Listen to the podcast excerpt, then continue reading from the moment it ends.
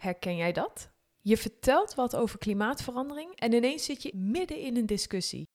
En hoe komt het dat we al jaren weten dat klimaatverandering een probleem is, maar als mens eigenlijk nog geen echte actie ondernemen? En waarom komen we met excuses als we ons levensstijl moeten aanpassen om het klimaat te redden? Brandende vragen die ik in deze aflevering met Janine Pothuizen bespreek. Als klimaatpsycholoog bij Klimaatgesprekken weet Janine hoe we succesvol het gesprek over klimaatverandering kunnen aanvliegen. En dat brengt mij meteen een zeer interessante challenge.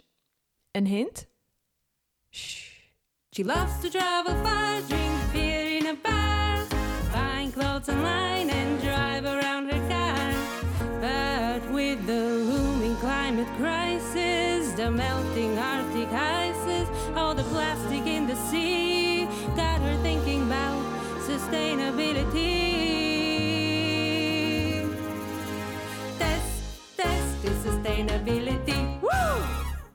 Voordat we gaan beginnen, gefeliciteerd. De 22e plek bij ehm, Trouw, de top 100. Dat is wel echt geweldig. Ja, ja, dat is echt top. Dat is echt een beloning voor uh, heel veel werk in de afgelopen vier jaar. Dus uh, ja, met veel vrijwilligers uh, zijn we altijd bezig om met klimaatgesprekken eigenlijk Nederland verder te verduurzamen. En gelukkig is dat gezien door de trouw en heel mooi beloond. Ja, echt wel verdiend hoor. En nou, volgend jaar nummer één. Nou, Toch? ik vond nummer één al zo. Ik ben heel trots ook op nummer één. Want uh, ik, ik zou zeker uh, hoger in de top 100 uh, nog als ambitie hebben. Maar nummer 1 is gegund, nummer 1, want de jongeren mogen echt veel steun krijgen. En Janine, ik vind het nogmaals superleuk om hier met jou te zitten. we gaan het vandaag hebben over klimaatgesprekken. En voordat we daar helemaal in gaan duiken, ben ik uiteraard heel erg benieuwd naar jouw persoonlijke duurzame reis. Hoe is het voor jou allemaal begonnen, het onderwerp duurzaamheid? Ja, ja het, is, uh, het is begonnen, denk ik al toen ik heel jong was. Maar toen heb ik me daar voor de rest uh, ook altijd weer door het leven in laten meeslepen. Dat ik gewoon uh, mee ging leven met hoe wij normaal leven vinden. Wat niet echt duurzaam is. En, um, maar ik heb mijn partner is eigenlijk altijd al een stuk groener geweest dan ik. En die liep altijd achter me aan met Janine, doe het licht uit. Janine, je mag korter douchen allemaal vanuit zijn zorg. Alleen ik vond het vooral echt vrij irritant. Zelf sta ik altijd wel, ben ik in het leven, heel sociaal sta ik in het leven. Dus ik heb altijd bezig gehouden met gelijke kansen voor iedereen. En dat deed ik in mijn werk. Uh, zorgen dat, er, dat er iedereen naar school kan. Uh, we zijn pleegouders geweest. Dus op allerlei manieren draag ik bij aan dat sociale onderwerp. En in 2015 waren we op vakantie in Italië. En we gaan uh, vaak uh, in Europa met de trein op vakantie. En uh, wij stapten op de terugweg in de trein. En die trein die zat vol met vluchtelingen. Hmm. En het was 2 september 2015, top van de vluchtelingencrisis. En ik had in Nederland vooral gehoord dat er Syrische vluchtelingen waren. Dus ik keek die trein rond en ik dacht, wat zijn dit voor vluchtelingen? Want dit zijn allemaal Afrikaanse vluchtelingen. Dus ik heb me tijdens die treinreis vooral bezig gehouden met een meisje wat tegenover ons zat met haar ouders. En, uh, en vervolgens uh, nou ja, hebben we, uh, moesten wij bij douane, Duitsland was dat. En Duitsland had net gezegd van wij gaan de vluchtelingen opnemen. Dus bij Duitsland kwamen douaniers de trein in en die zeiden van joh, iedereen paspoort laten zien. En de enige twee die een paspoort konden laten zien waren wij. En de rest moest de trein uit, zodat ze netjes ingeschreven werden en over Duitsland verdeeld konden worden. En een half uur later kwamen wij in München aan met de trein en daar waren de Oktoberfesten. En daar stond iedereen te feesten en te dansen en, uh, en bier te drinken. En tussen die dansende, feestende Duitsers liepen allemaal vluchtelingen rond. Wat een contrast. Dat was echt vreselijk. Dus ik heb daar uh, uh, nou ja, huilend op het station gestaan en uh, me afgevraagd: hoe kunnen wij dit als mensen doen? Hoe is het mogelijk dat wij eigenlijk ja, kunnen dansen en feesten terwijl we naast ons zien dat er iets vreselijks aan de hand is?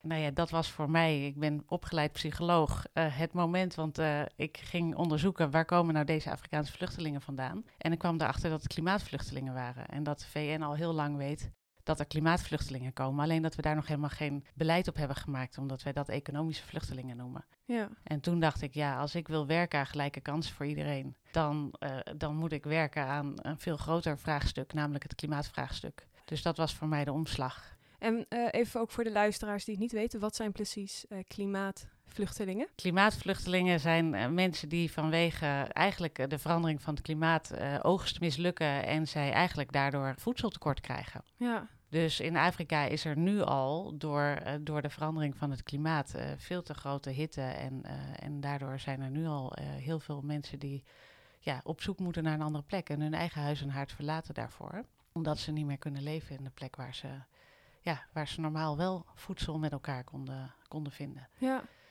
En toen? Je hebt het gezien. Wat Ja, gebeurde er toen met je? Nou ja, toen, toen ik erachter kwam van dit zijn klimaatvluchtelingen, toen dacht ik, ik moet aan dit vraagstuk gaan werken. En, eh, en het interessante is dat ik, eh, dat ik dus psychologie heb gestudeerd. Dus ik dacht, ja, hier komt het samen. Wat ik daar in Duitsland op het station gezien heb, is dat wat wij als mens heel goed kunnen. Namelijk ontkennen dat er iets ernstigs aan de hand is, als wij op dat moment bezig zijn met iets leuks. Ja. Dus wij kunnen die twee waarheden in ons hoofd kunnen wij hebben. En we kunnen het heel erg vinden dat dat erg is. Dus dat dat vervelende gebeurt. En tegelijkertijd kunnen we bier drinken en in onze lederhozen staan dansen. Omdat het, nou in ons geval carnaval is en in hun geval Oktoberfest. Of, of wat we ook vieren. En, eh, en dat kan ik net zo hard als iedereen, maar daar zijn we heel goed in. En daarmee kunnen we ook heel erg eh, het, het vraagstuk klimaat ook gewoon heel ver naar voren schuiven. Omdat het nog zo ver weg is. Ja, ja eh, herkenbaar. En wat deed je toen? Toen ben ik, eh, toen ben ik gaan. eh, eh, nou, ik werkte als adviseur, als organisatieadviseur. Dus ik ben gaan zoeken naar hoe kan ik die twee dingen nou combineren. En allereerst eh, ben ik vooral in mijn werk gaan kijken of dat lukte. Maar ik merkte dat dat binnen de plek waar ik zat in ieder geval onvoldoende lukte. En, eh, en toen ben ik voor mezelf begonnen om dat gaan, eh, te gaan plaatsvinden. Tegelijkertijd ben ik natuurlijk met mezelf verder gaan verduurzamen. Dus mijn eerste stap was, ik mocht een nieuwe leaseauto kiezen. Dus ik dacht, nou weet je wat, ik kies als eerste van de zaken een elektrische leaseauto. Nou, dat heb ik geweten. Dat was de eerste fase van de elektrische au- auto's. Dus ik kon 80 kilometer rijden, moest ik weer opladen. Ja, En ik vond het echt super spannend om daarvoor te kiezen. Omdat ik al dacht van, oh, eh, ik ben helemaal niet goed in dat plannen. En dan moet ik ook nog weten waar al die laadpalen staan. Nou, dat, dat was echt eh, een, eh, een avontuur op zich. En net zoals jij nu mooi deze podcast maakt, dacht ik van, oh, dit moet ik gaan vastleggen voor mensen. Zodat het leuk en... dat heb ik uiteindelijk niet gedaan. Eh, maar de- ik had echt veel kunnen vastleggen. Maar uiteindelijk kan je nu de, leaseauto, of eh, de elektrische auto's van nu zijn, eh, kunnen al zoveel verder. Dat, dat mensen er niks aan hadden gehad. Want die 80 kilometer zijn al lang niet meer. ze kunnen al veel verder. Maar dat was, die elektrische auto was voor mij ook echt een eye-opener. Want ineens kwam ik erachter dat als je in de auto zit en de verwarming aan doet, dat je dan in plaats van 80 kilometer ver, dat je dan nog maar eh, eh, 75 kilometer kan rijden. Hm. Ik dacht, oh, dus dat kost ook elektriciteit. En zo werd ik me eigenlijk steeds meer bewust van hoe wij eigenlijk onbewust enorm veel energie gebruiken. Dus ik zat op een gegeven moment zat ik gewoon in die auto. Dacht ik, ja, ik kan of eh, na 75 kilometer moeten laden, of gewoon een muts op doen en mijn jas aanhouden. Hm. Nou, en zo, eh, zo ben ik er eh, steeds, kwam ik er steeds meer achter. Dat, dat stimuleerde mij om steeds meer stappen te gaan zetten. En meer stappen ook in je dagelijkse leven. Naast Ja. alleen je carrière, maar ook je dagelijks leven veranderingen. Zeker, zeker. Dus ja, wat ben ik allemaal. Ik, ik was al vegetariër, maar eh, we, zoals je hoorde, gingen we ook al in Europa met de trein op vakantie. Maar dat doen we nu alleen nog maar. Eh, naast de, de- nu uiteindelijk van de elektrische auto, wij hebben nu helemaal geen auto meer. Dat vind ik echt helemaal verademing. Dat zou voor veel mensen een grote stap klinken, maar ik vind het echt een verademing om, eh, om gewoon geen keuze meer te hebben, maar gewoon te bedenken. Dat is de trein of de fiets. En niet, eh, oh, ik kan nog in die auto stappen. Ja, wat doe ik nog meer? Het is, inderdaad gewoon eh, allemaal van zulke soort stappen. Dus ik ben inderdaad steeds plantaardiger gaan eten. Ik denk dat ik nu voor 90% plantaardig eet. Ik, ik haal mijn kleding bij de kledingbiep. eh, ik koop nauwelijks meer kleren. Nou, zulke soort stappen heb ik allemaal gezet. Dus Ja. ja, Behoorlijk groen geworden. ja, ja, ja, ja, dit had ik zelf nooit verwacht, maar ik ben behoorlijk groen geworden. En ik heb overigens ook mijn excuses aan mijn man aangeboden dat ik zijn zorgen vroeger eh, niet altijd serieus had genomen. Want dat vond ik eh, achteraf echt vreselijk, dat ik dat eh, onvoldoende gezien heb, hoe serieus zijn zorgen waren. Ja, nou daar gaan we straks even wat meer over praten. Over hoe dat dan misschien ook voor jou toen was. Ja, Aan ja, de ja. ontvangende kant. Want nu ben jij klimaatpsycholoog. dat klopt. Ja, dat klopt. Wat doet een klimaatpsycholoog? Wat houdt dat in? Ja, ik werk, eh, ik werk als klimaatpsycholoog en ik noem het klimaatpsycholoog omdat ik eigenlijk mijn, mijn rol of mijn ehm, leiding en kennis over de psychologie toepas op het klimaatvraagstuk.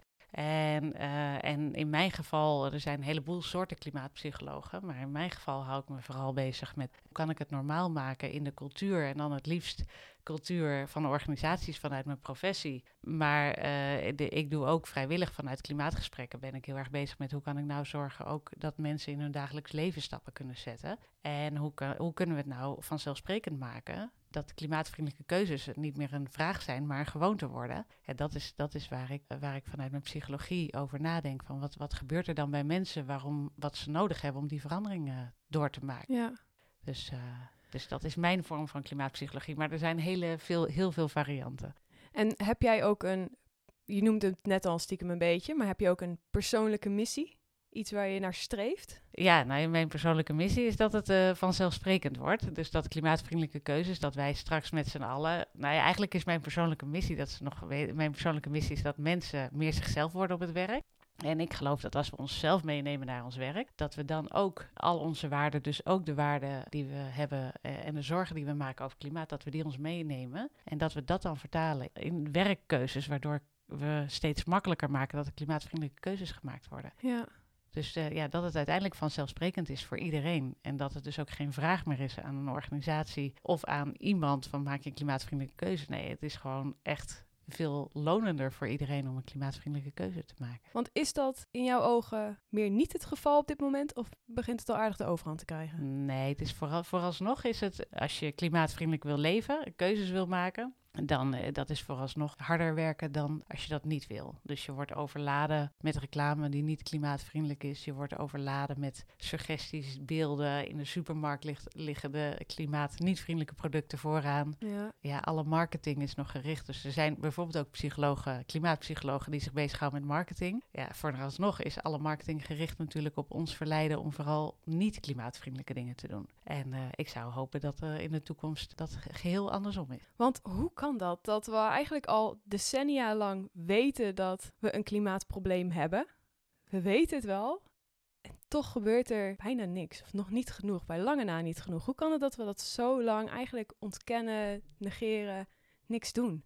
Ja, ja daar kan ik een antwoord op geven. Maar mag ik de wedervraag stellen? Jazeker. Hoe kan het dat het bij jou gebeurde? Oh, oh jeetje. Word ik op mijn plek gezet?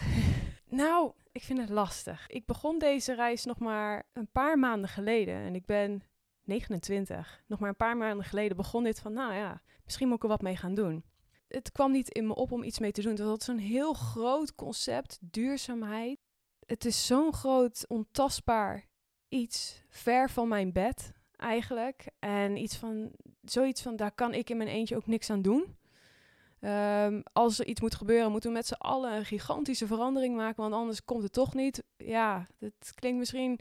Het was misschien zo groot dat het me beangstigt. En toen dacht ik, nou, misschien is het niet. Ik pak wel weer mijn auto uh, even naar mijn paard toe en dan, uh, ja. dan is de gedachte weer weg. Een zeer menselijke reactie. Dit is, dit, is, dit is zoals wij mensen allemaal reageren op dit vraagstuk. Want het is een complex vraagstuk waar het niet waar het niet duidelijk is wat, wat de oorzaak is. Hè? Dus we, we kunnen wel allemaal oorzaken, maar het is zo complex dat er meerdere oorzaken zijn. Dus als er een leeuw op ons afkomt, dan kunnen we die neerschieten. Nou, ik weet niet of dat de slimste manier is. Misschien moet je heel hard wegrennen. Maar dan weet je, dat is het gevaar en daar kan ik heel snel vandaan of dat kan ik neerschieten. Terwijl dit is een gevaar wat we zien, maar waarvan we niet weten wat het handelingsperspectief is en wat je ook niet in je eentje kan oplossen. En wat ons, uh, wat ons systeem dan kiest, is in het Engels noemen ze dat copingmechanisme. Mm. We kiezen een manier van omgang die voor ons het hanteerbaar maakt. Dus in het Nederlands noemen we dat beschermingsmechanisme. En om het hanteerbaar te maken, zodat we er een hanteerbaar maken, is ook zorgen dat je het wegstopt. Want dan kan je gewoon doorgaan met andere dingen in het leven die ook belangrijk zijn. Ja. Dus dit is een hele natuurlijke reactie die jij hebt en die ik zelf ook heb gehad. En die dus eigenlijk, als je optelsommen maakt van wij uh, mensen, hoe kan het dat wij mensen dit allemaal doen? Ja, wij zijn allemaal mensen en het is voor ons allemaal dus zo complex dat onze beschermingsmechanismen als eerste hun werk gaan. Ja. En dan zeg je zulke soort dingen als, uh, ja, wie ben ik in mijn eentje om het op te lossen? Ja, dat is een terechte opmerking. Maar het is raar, want dat betekent niet dat je niks hoeft te doen. Want je kan in je eentje altijd bijdragen. Je kan het in je eentje niet oplossen, maar je kan wel in je eentje bijdragen. Maar het beschermingsmechanisme denkt, weg ermee. Ik, ga het, eh, ik kan het niet in mijn eentje oplossen. Dus nou ja, dan zet ik het even in een ander vakje in mijn hoofd en dan ga ik door met de rest van mijn leven. Ja, en ik heb hier eh, vele, vele meer vragen over. Ja, nou eh, stel ze. Want je hebt het over die ja, defense mechanism. En ik kwam dus iets tegen over de five inner defenses. Ja. Eentje daarvan, en ik hoorde het je net al zeggen, is een beetje distancieren ook van het onderwerp. Iets waar ik bij mezelf dus ook heel erg herkende van ja, het is heel erg ver van mijn bedshow. Als je het erover hebt in klimaatgesprekken, hoe kan ik zoiets ook tackelen als ik dit gesprek ook aanga met iemand en ik merk van hé, hey, die, die geeft een opmerking van ja, het is ver van mijn bedshow. Hoe Ja. pak je dit aan? Als iemand dat zegt, denk ik, nou, ik kan me voorstellen, want zo wordt het ook heel vaak gepresenteerd. En We zien vaak ijsberen en ijsberen wonen niet in Nederland. Maar als ik kijk naar de zomer van de afgelopen eh, twee jaar, ja, dan zijn het echt hete zomers en te hete zomers. En, ja, dit is, dat is een kenmerk van klimaatverandering, is dat het, dat het, extreme, dat het weer extremer wordt. Ja. En dat zie je in die hete zomers, maar ook in bijvoorbeeld de enorme stortbuien die we telkens hebben. Dus dan probeer ik het eigenlijk zo op die manier. Dus dit, ik doe even een voorbeeld van het antwoord. Maar ik probeer het op die manier eigenlijk te halen naar het hier en nu. eh, wat we allemaal ervaren. ja, want ik gooi er af en toe even wat statistieken dan in. Ja, En dat werkt dan weer niet. nee. Waarom niet? Nou, omdat cijfers eh, op afstand van jou zijn. Dus mensen voelen zich het meest aangesproken en gaan het meest nadenken als zij eh, zich verbonden voelen met jou en verbonden voelen met wat jij zegt. En niet zozeer met de feiten die jij noemt. Dus pas als ze, als ze zelf geïnteresseerd eh, raken, zijn ze ook geïnteresseerd naar de feiten. Maar vooralsnog denken ze, eh, rare test, waarom doe je nou ineens zo raar? Ja, die, dat krijg ik sowieso wel vaak te horen hoor. Dat, Ja, waarom, waarom maak je hier nou ineens zorgen over? Voorheen deed je nog gewoon lekker, eh, reisde je vijf, vijf keer per jaar lekker op en neer met vliegtuig en nu ga je ineens plantaardig eten. Wat is dit? Dus ze zijn zich vooral nog aan het verbazen over ehm, hoe kan jij nou deze stap gezet hebben? ja. Eh, en dan is het dus heel belangrijk om, om eigenlijk het heel persoonlijk te houden. Van ja, ik, ik zie dit en, en ineens ben ik me daar zorgen door gaan maken. En, eh, ja, en dan zullen zij zich gaan realiseren van, oh ja, dit heb ik ook gezien. Oh, nou, ja. En dat, dat kan iets met ze doen. Het is in ieder geval een zaadje wat je geplant hebt, waarover ze kunnen nadenken. Maar dat vind ik wel mooi dat je het zegt. Is dat dan ook meteen iets hoe ik elk gesprek een beetje in zou moeten komen? Want ik heb een beetje een, een voorbeeld. Ja, vertel. Ik ben nou natuurlijk sinds augustus ben ik begonnen met de podcast. En ik ben, we gaan verdiepen in van alles nog wat. Er komt allemaal nieuwe feitjes mijn pad op over wat er allemaal gebeurt met de wereld. Ik ben gechoqueerd, maar wel enthousiast over van jongens, we kunnen hier dus wat aan doen. Ik ben nou helemaal duurzaam in mijn hoofd. Ik ben nog lang niet duurzaam, maar ik zie wel van, oh jongens, hier kunnen we wat aan doen. Mijn enthousiasme leidt dan ook best wel snel bij mijn vriendengroepen dat ik een beetje prekerig overkom. Hey jongens, ik heb die urge nou van, eh, we moeten nou iets doen. Ik geef dan mijn speech. Nou, mijn statistieken kloppen misschien niet altijd, want door mijn enthousiasme haal ik alles door elkaar. Maar het wordt wel, ik vertel het wel. ja, ja. Maar mijn, ja, deze manier leidt ook best wel snel nou ja, naar discussies. En eigenlijk door ook die opmerking wat jij dan eh, al gaf, dat merk ik heel erg. Dat mijn enthousiasme, mijn, mijn call for help, jongens, we moeten nu iets doen, eigenlijk leidt tot nou ja, discussies en bijna een soort negatieve sfeer.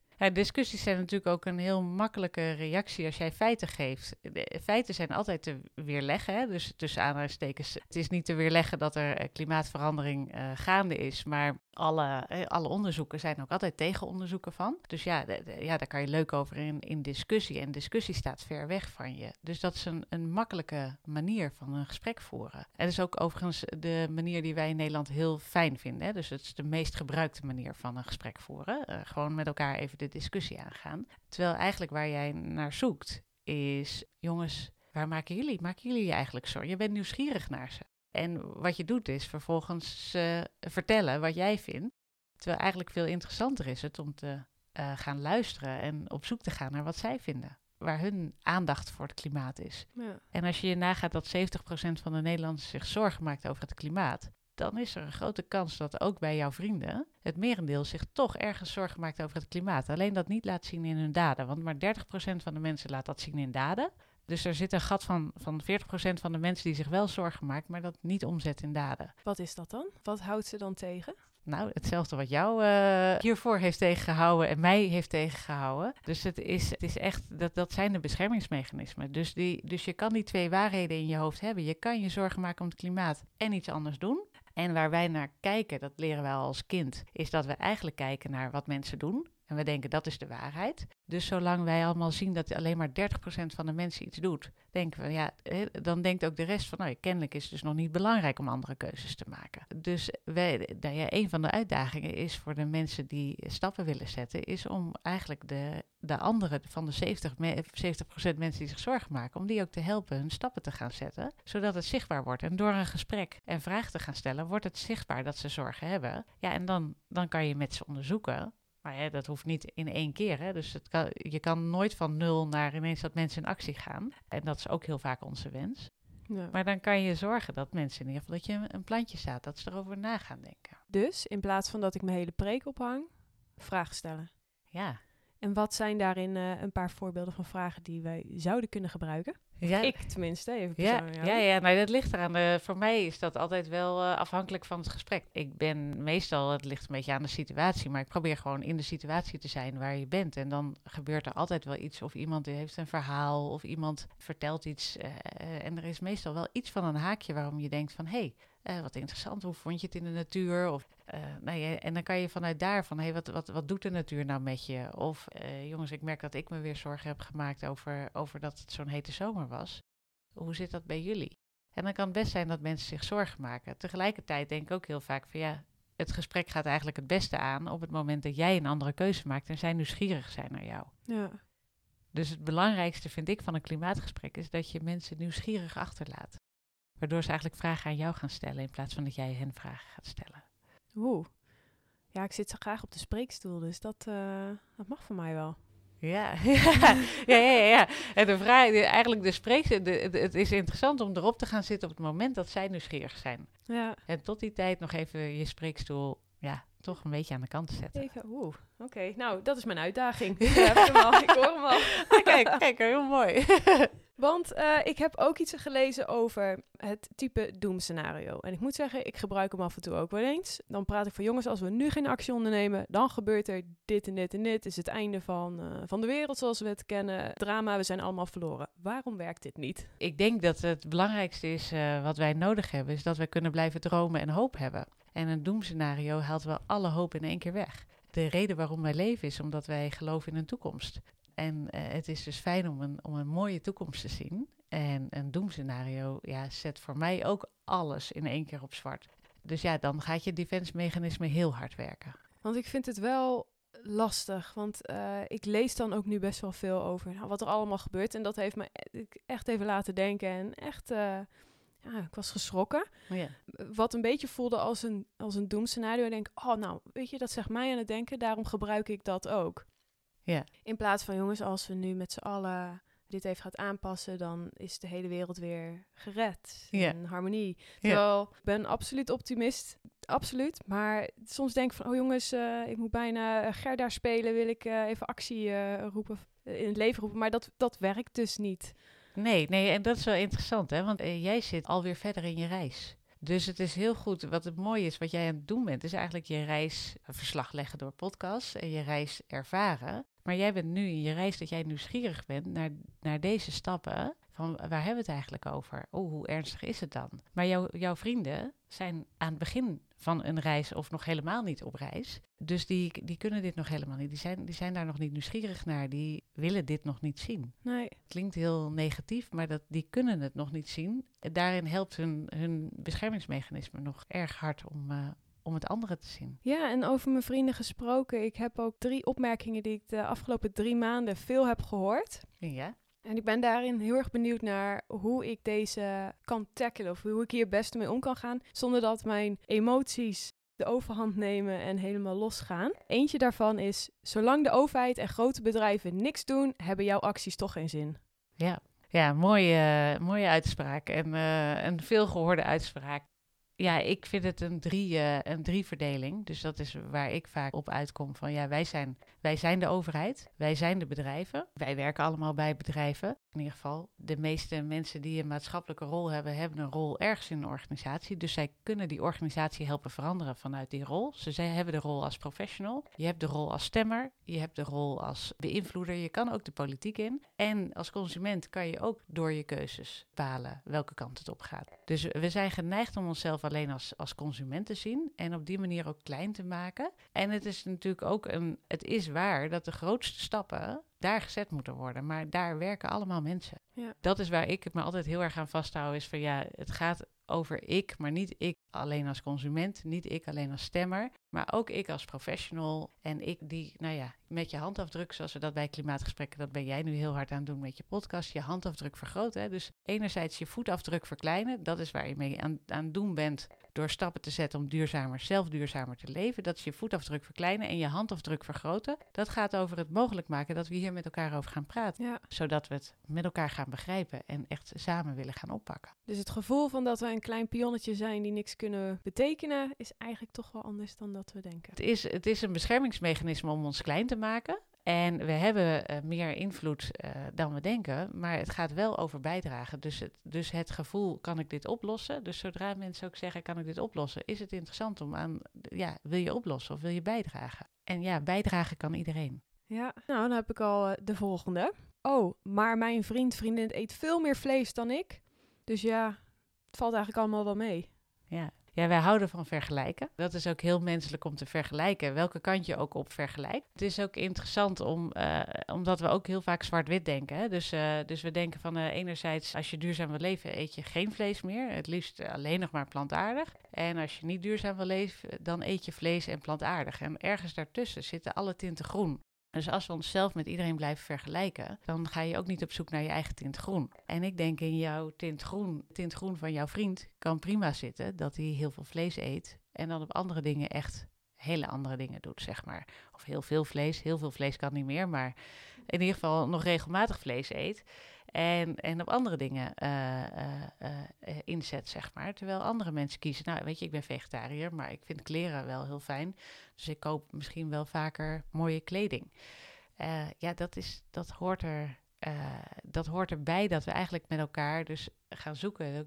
De jongeren die klimaatstaking deden, die werden aangesproken op hun hypocrisie. Dat zij nadat ze klimaatstaking hadden gedaan, hamburgers gingen eten. En dat is ook echt iets wat wij graag doen. Dus dat we de anderen aanspreken op van, oké, zij doen niet goed en dat ontslaat ons van onze verantwoordelijkheid. Ja, En dat is ook met, als je dit zegt, dan, dan ontsla je jezelf eigenlijk van verantwoordelijkheid. En, en, en ik denk dat in ieder geval een van de dingen die ik belangrijk vind, is dat we met elkaar gaan, dat we het niet dogmatisch maken, maar dat we in gesprek gaan over, oké, als wat is dan jouw kleur groen? En welke kleur past bij jou en hoe ziet dat er dan uit? En dat, dat is bij de een anders dan bij de ander. Ja nou, mooi gezegd. En het komt ook al meteen mooi overeen met mijn volgende en laatste puntje. Eentje die ik heel vaak hoor. Tess, jij reist het liefst de hele wereld over, dan hebben jouw andere acties toch geen zin. Ja, wat Ja. vind je daarvan? Ja, doet pijn. Maar ook omdat ik het zelf ook zo wel eens ervaar. Ja. Dus eh, ik heb soms ook wel het gevoel van, ik probeer het echt goed te doen. Maar omdat dat zo'n passie is en eh, ik zou dat wel willen blijven doen. Misschien in een ander formaat, maar wel blijven doen. Ja, heeft het dan wel zin? Want het, Ja. het raakt me wel. Ja, nou dat alleen al is heel erg mooi. En dat laten zien is ook heel mooi. Dus ik denk, we hebben allemaal een klimaatspagaat, noemen we dat bij klimaatgesprekken. Dat daar waar het vraagstuk onze identiteit echt gaat raken, eh, kom je gewoon voor een grote spagaat te staan. En dat in dit geval is, identificeer jij jou als wereldburger slash wereldreiziger. Eh, dat is een heel belangrijk deel van jou als persoon. En dat vliegen, dat hoort daarbij. En veranderen op datgene wat voor jou zo dicht bij je identiteit ligt, is ontzettend lastig. Dan heb je te maken met een klimaatspagaat, een groot dilemma, waar je van ziet dat er voordeel zit of dat het belangrijk is om het een te doen. En dat er ook emotioneel echt een neiging is om het andere te doen. En dat eh, mogen je vrienden ook weten, dat mag je ook gewoon zeggen, dat het je raakt. Ja, bij deze vrienden, het raakt mij. Dank je. ik kan het ook aan je zien, dus het is Ja. ook echt zo. Ja. Ja, het is echt zo. Nou, ik denk dat ik hier wel een mooie tools in heb gekregen. Heb jij nog een, eh, een, een mooie laatste tip voor iedereen? Nou, misschien een beetje in dezelfde fase zit zoals ik. Je wilt het gesprek aan, klimaatgesprekken, niet meteen de, de, ja, de harde discussie aan. Wat is jouw toptip? Toptip. Ja, nou, eh, er zijn er al een paar langsgekomen. Hè? Dus Ja. accepteer ambivalentie bij anderen. Luister vooral. Wees creatief. Hè? Dus kijk naar de verschillende tinten groen die er kunnen zijn. Maar het belangrijkste is, top op tijd. Dus zorg dat mensen, dat je eigenlijk hun nieuwsgierigheid voedt. En de volgende keer dat ze bij je terug willen komen met vragen. In plaats van dat je ze overvoedt met waar jij jouw passie helemaal van vol zit. En wat jij denkt dat, dat moet gebeuren met de wereld. Laat ze op hun tempo bij jou komen. Nou, vind ik een hele mooie. En dat brengt me ook meteen bij het laatste topic, de challenge. Oeh, volgens mij had je jezelf net al een hele mooie challenge ja, ik, gegeven. ik hoorde hem ook al. ik denk, oh jee, daar gaan we het krijgen. Ja, ja, nou ja, er zijn een aantal challenges, maar volgens mij eh, begint die eh, bij eh, nieuwsgierigheid naar de ander, zonder de ander te overvragen. Dus eh, zoek de komende periode eh, voor jezelf echt even eh, de logica van, hey, als ik in gesprek ben met iemand, waarin kan ik nou nieuwsgierig worden in plaats van gaan zenden, gaan vragen en luisteren. Ik vind het een hele leuke uitdaging en ik ga hem graag aan. Dus eh, challenge accepted bij deze. Ik ben nieuwsgierig. Ik, ja, anders ik wel. Ik moet eh, mijn mond houden. Test, test to sustainability. Woo! Boom, weer een aflevering van Test to Sustainability. Voel jij je ook zo geïnspireerd na deze aflevering en ben jij ook bezig je leven te verduurzamen? Laat het mij weten. Stuur mij een berichtje via Test to Sustainability de website of via Instagram at Test to Sustainability. Ik ben heel erg benieuwd naar jouw tips, tricks en ervaringen. Luister je deze podcast via Apple Podcast? Vergeet dan niet een review achter te laten. Make my day.